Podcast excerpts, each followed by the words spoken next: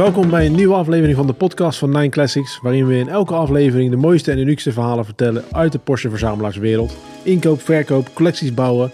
Dit zijn de verhalen zoals je nog nooit hebt gehoord. Dat doen we altijd aan de hand van onze doorgewinterde Porsche-enthousiast Danny van Nine Classics.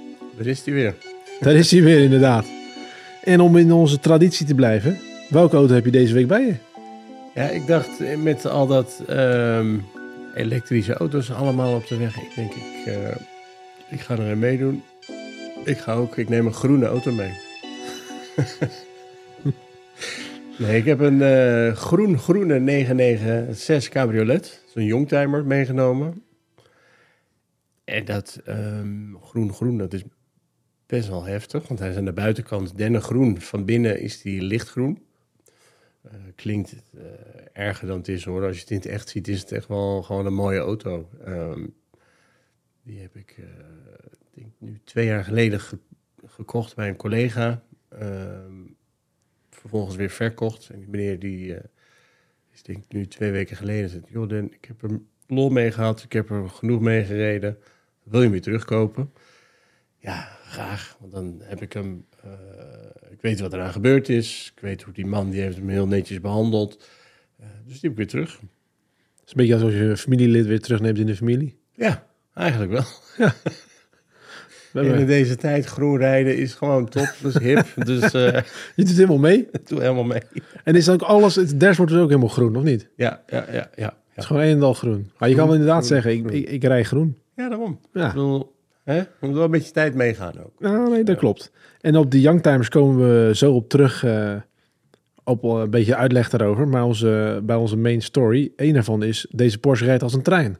Dat stuurde jij mij en toen dacht ik, nou, zit hij nou, is hij nou met de trein een Porsche wezen halen of hoe moet ik het zien? Nee, ik heb ehm, eh, met ons fotograaf Frank eh, zitten eigenlijk altijd ehm, een beetje gekkigheid te verzinnen. Eh, we zeggen altijd gekscherend.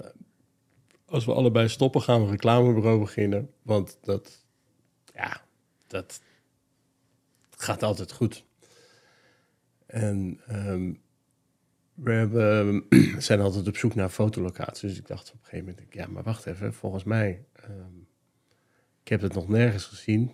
Ja, toevallig afgelopen week eh, eh, eh, een Porsche die ja, was in Den Haag volgens mij eh, of in Amsterdam van de trap gereden. Ik denk, ja, zie je, naar een treinstation. Ik denk, nou, dat is wel dicht in de buurt. maar ik denk, ik wil gewoon een foto van een 911 op treinrails op spoorovergang. Ja, zie dat maar voor elkaar te krijgen. dat is wel, eh, dat is best wel spannend. Ehm, dus we zijn nu ehm, met een aantal locaties bezig waar dat wel kan. Eh, dus dat, dat gaat nog even duren, eh eer dat je daar natuurlijk toes- toestemming voor krijgt. Maar ja, dus binnenkort hebben we wel een auto die als een trein rijdt. Oh hé, ja, dat is wel riskant. Maar ja, je hebt natuurlijk nog een handjevol locaties waar geen eh, slagboom is. ja, maar nog vind eh, ja, ik weet het niet. Ja, ik zou eh, inderdaad even... ik zou de motor draaiende houden als ik jou was. en goed voor je uitkijken. Nee, precies. Nee, maar we gaan. ehm, dus de aanvraag is ingediend. Je hebt een aantal locaties in Nederland waar bijvoorbeeld treinen onderhouden worden, dat soort dingen. Ah ja, dat is het natuurlijk. Dus, dus daar zijn we mee bezig. Dus we hebben binnenkort wel eentje die rijdt als een trein. Oké. En weet je al welke Porsche je daar gaat neerzetten? Nee, ja, kijk, ik, ehm, we hebben nu toevallig een rode staan. Ja, die, die doet het natuurlijk altijd heel goed. Maar ik hoop wel tegen die tijd dat, eh, dat we akkoord krijgen dat die, eh, dat die dan verkocht is. Dus dat eh, ja, gaan we zien. Hm. Zeg, de locatie aan zich is al goed. Ja, nee, dat, dat, het klinkt inderdaad heel goed. Ik ben benieuwd naar de, naar de foto. Ja. Even kijken hoor. Bijtelling voor de youngtimers. Hoe zit dat nou precies? Ik heb dat, eh, wij krijgen die vraag best wel vaak. Van joh, Dan, eh, hoe- zit dat? Dus ik heb eh, mijn boekhouder Gerber gebeld. Gerber, ga je mij nou gewoon even eenvoudig uitleggen wat het kost? Aan de hand van Ja. de groene auto die we mee hebben. Dat is een youngtimer. Ehm dus zo hebben we eigenlijk dat sommetje gedaan. Dus die auto die koop je voor 29.900 euro. Over dat bedrag betaal je 35% bijtelling. Dus de bijtelling bedraagt dan eh, ja, net even 10.500 euro. Op het moment dat je in belastingschijf 2 zit, Eh, dus dat is dan eh 36,93 procent. Ja, je bent boekhouder of niet, dus je doet het wel goed. dan kost de auto je per maand 322 euro. Dus je mag dan eigenlijk alle autokosten mag je opvoeren op de zaak. Zoals benzine, wegenbelasting, onderhoudsverzekering, gekkigheid. eh, en alle verbeteringen die je kan bedenken. Dus als jij zegt, ja, maar ik wil, ehm, moet een nieuwe kap op. Of ik wil eigenlijk een ander setje velgen. Ja, je mag die auto helemaal klaarmaken. eh, Naar je eigen idee. En eh, ja, Ja, en daar zit natuurlijk ook een heel Precies, groot ja. winpunt, dat je die, al die kosten kan opvoeren. Precies. En dan ehm, is de dagwaarde, dat is niet een vast bedrag. Ehm, dus dat betekent eigenlijk hoe ouder de auto wordt. eh, je hebt zeg maar een economische waarde en een eh, verkoopwaarde. En de economische waarde van die auto, die wordt op papier wordt die lager. Dus je afschrijving die gaat eigenlijk ook nog per jaar eh, naar beneden. Ehm, dus die mag je, die mag je zelfs twee keer per jaar mag je hem opnieuw herwaarderen in je boekhouding. En zodoende ga je eigenlijk met een youngtimer steeds minder betalen. Oké. Dus dat is best wel interessant om dat eh, Te doen. te doen. En Ja, veel van die youngtimers die zijn best wel waardevast in de uiteindelijke verkoop. klopt. Dus je waarde gaat op papier Op- naar beneden. Papier ga je naar beneden, maar qua investering blijft de auto wel een bepaald niveau houden. Ehm, en wat je dan vaak doet op het moment dat die helemaal afgeschreven is, dan wordt die verkocht naar privé. En dan eh, heb je een win-win situatie. Nou, is toch weer een stukje verduidelijking. Precies. Ja. Dat moet ook gebeuren. Nee, inderdaad. En dan eens even kijken. Voor de update van deze aflevering. De zoektocht naar de Targa. We zijn op zoek naar de... Nou ja, ik niet. Maar Dennis op zoek naar een zilveren de 993 Targa uit 96 of 98. Ik heb een hele mooie gevonden. Ehm, vorige week waren we daar ook mee bezig met, Mhm. met de historieopvragen van Porsche en dingen. Ja, we hebben eigenlijk op alles groen licht gegeven. De auto is eh, al een keer in Nederland geweest. Het enige jammer is dan dat eh, je kan hem dan herinvoeren bij het RDW. Dus je krijgt het oorspronkelijk Nederlands kenteken weer. Alleen, ja, er komt wel een eentje op je plaat. Ehm, in overleg met de eventuele nieuwe eigenaar. Zeg ik, ja, Den, eh, heel eerlijk. Ik koop een auto, ik koop geen nummerbord. Dus mij maakt het niet uit. Ehm, dus eh, eigenlijk alle lichten staan op groen om eh, van de week schnitzel en curryworst te gaan eten. Oké. Dus je denkt dat je ergens in de loop van de komende weken... dat je daarheen gaat en dat je hem ja. En de laatste check gaat geven om hem hierheen te halen. Kijk, het voordeel is, de auto staat ook daar bij een Porsche-specialist. Ah, ja. Dus dat praat wel gemakkelijker. Ehm, en dat zie je al aan de hand van een mailtje die je stuurt. Van, joh, hoe zijn de lastpunten op het achterscherm? Eh, eh, zijn de voorschermen eraf geweest? Is de auto gespoten? Ja, die man weet precies waar hij het over hebt. Dus alle kwalijke punten waar ik op let, Mhm. ja, die, die gooit hij er eigenlijk al uit ehm, eh, bij de, gewoon in, in het mailverkeer van dat is gecheckt, dat is gecheckt, dat is gecheckt. En dat werkt wel heel fijn. Dus die man weet wat hij heeft. En dat maakt het voor mij wel een stuk makkelijker ook om, eh, om die kant op te rijden. Je krijgt alle medewerking, ding mag op de brug eh, rijden, je mag doen. Dus ja, dat is... eh, dus, Dus ik hoop bent, volgende week positief bericht te hebben. Je bent op 90% in de buurt.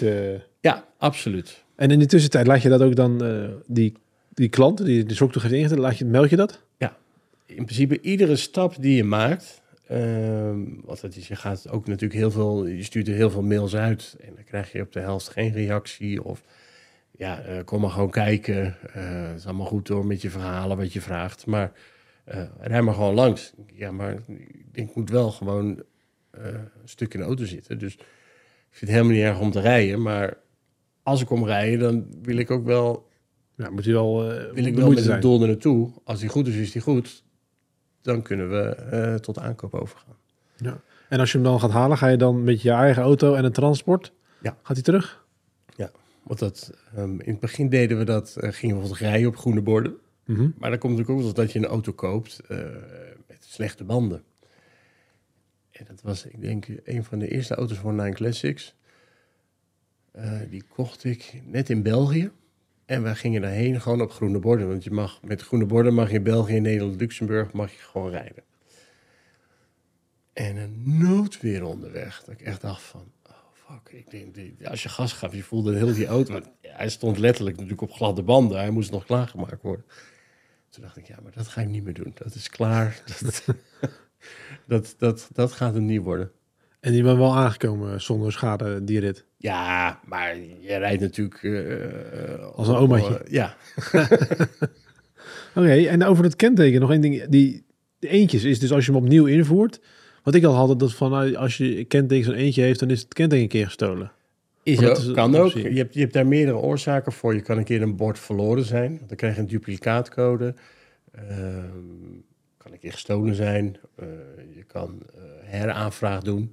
En dat is een eentje op zich niet zo heel spannend. Kijk, het wordt pas kwalijk, vind ik, als er een drietje, een viertje of een Ja. vijfje op gaat staan. Want dan, heb je, dan, dan is er ook iemand die, die best wel onzorgvuldig met zijn spulletjes omgaat. Ja. Ehm, en dan moet je vragen, is dat alleen met zijn spullen of ook met zijn auto geweest? Ja. Dus dan, eh, Nee, dat klopt. Oké. Nou, dan, dan, als je dan in Duitsland bent geweest, dan hebben we natuurlijk weer de update eh, of die binnen is en of die afgeleverd is. En of die is zoals jij hoopt dat die is natuurlijk. Dat hoop ik ook. Ja. en dan hebben we voor deze week de, het verhaal uit de oude doos. Stuurde jij mij de 928 afleveren die onder de olie zit. Klopt. Ik ehm, ehm, heb op een gegeven moment een 928 gekocht, een Nederlands geleverde. Ehm kobaltblauw. Gewoon, een, eh, gewoon een bijzondere auto. En die kocht het samen met een 964 kobaltblauw. Hetzelfde bouwjaar, hetzelfde kenteken bijna. En ik denk, ja, die auto, dat is gaaf. Die moet in een Z blijven. Ja, niet, dus... ehm er komt een Fransman die zegt, joh, hoe is die auto? Dus we omschrijven die auto. Die man die, eh, die komt op een gegeven moment naar de auto toe om te kijken. En eh, die gaat tot aankoop over. En die zegt, kan je hem brengen? Ja, kan wel. Dat is, op zich moet dat wel lukken. Eh, waar moet hij heen? Ja, Parijs. Oké, prima. En ik had... Croissants?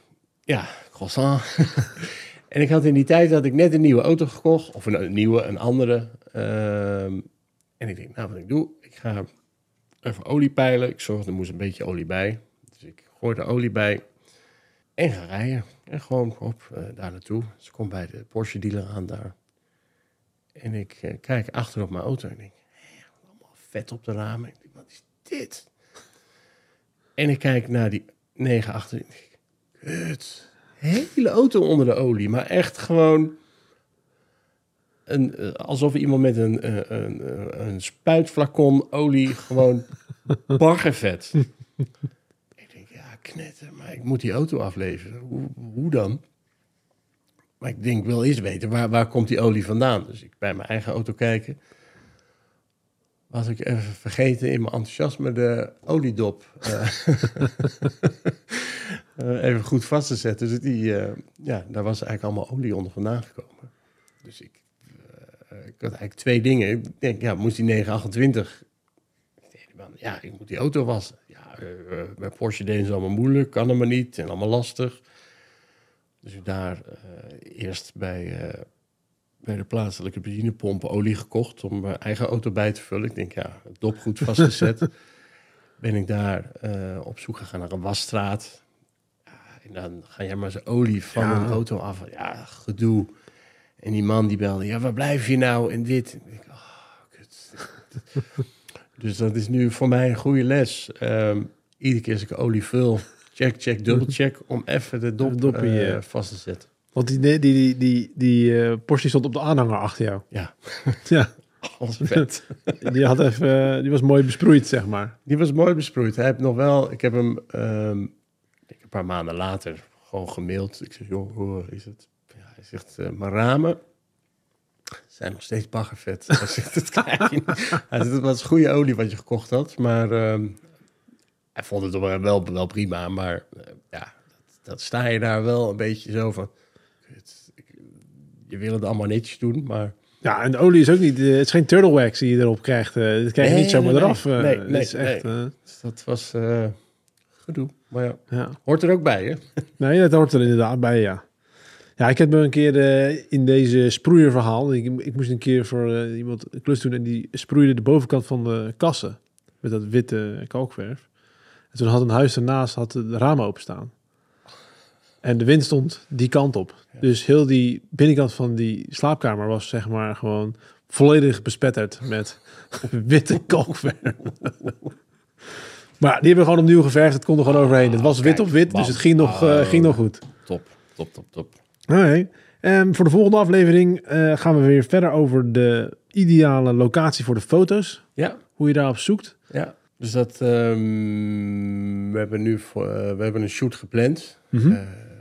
We krijgen een, een stuk in een, in Elverspot. Die gaan een stuk schrijven over een auto van ons. En daar moeten we dan wel een locatie, tenminste dezelfde fotoshoot doen. Ja, daar gaat best wel wat werk aan vooraf. Want het is natuurlijk, eh, het lijkt allemaal van de buitenkant, oh makkelijk, we gaan even hier en even daar een fotootje schieten. Maar eh er gaan best wel wat uren aan vooraf om de juiste locatie te zien. Want dan op Google zie je van, oh, dat wil ik hebben. En dan kan je er niet met de auto komen. Dus dat, eh, ja, gaan we volgende week gaan we wat locaties delen. Bij de volgende aflevering behandelen we dan de juiste fotolocaties en de plekken daarvan. Mocht je nou zelf vragen hebben over de bijtelling, over Nine Classics, over Porsches, stuur ons een mailtje en dan behandelen we ze gewoon hier in de uitzending.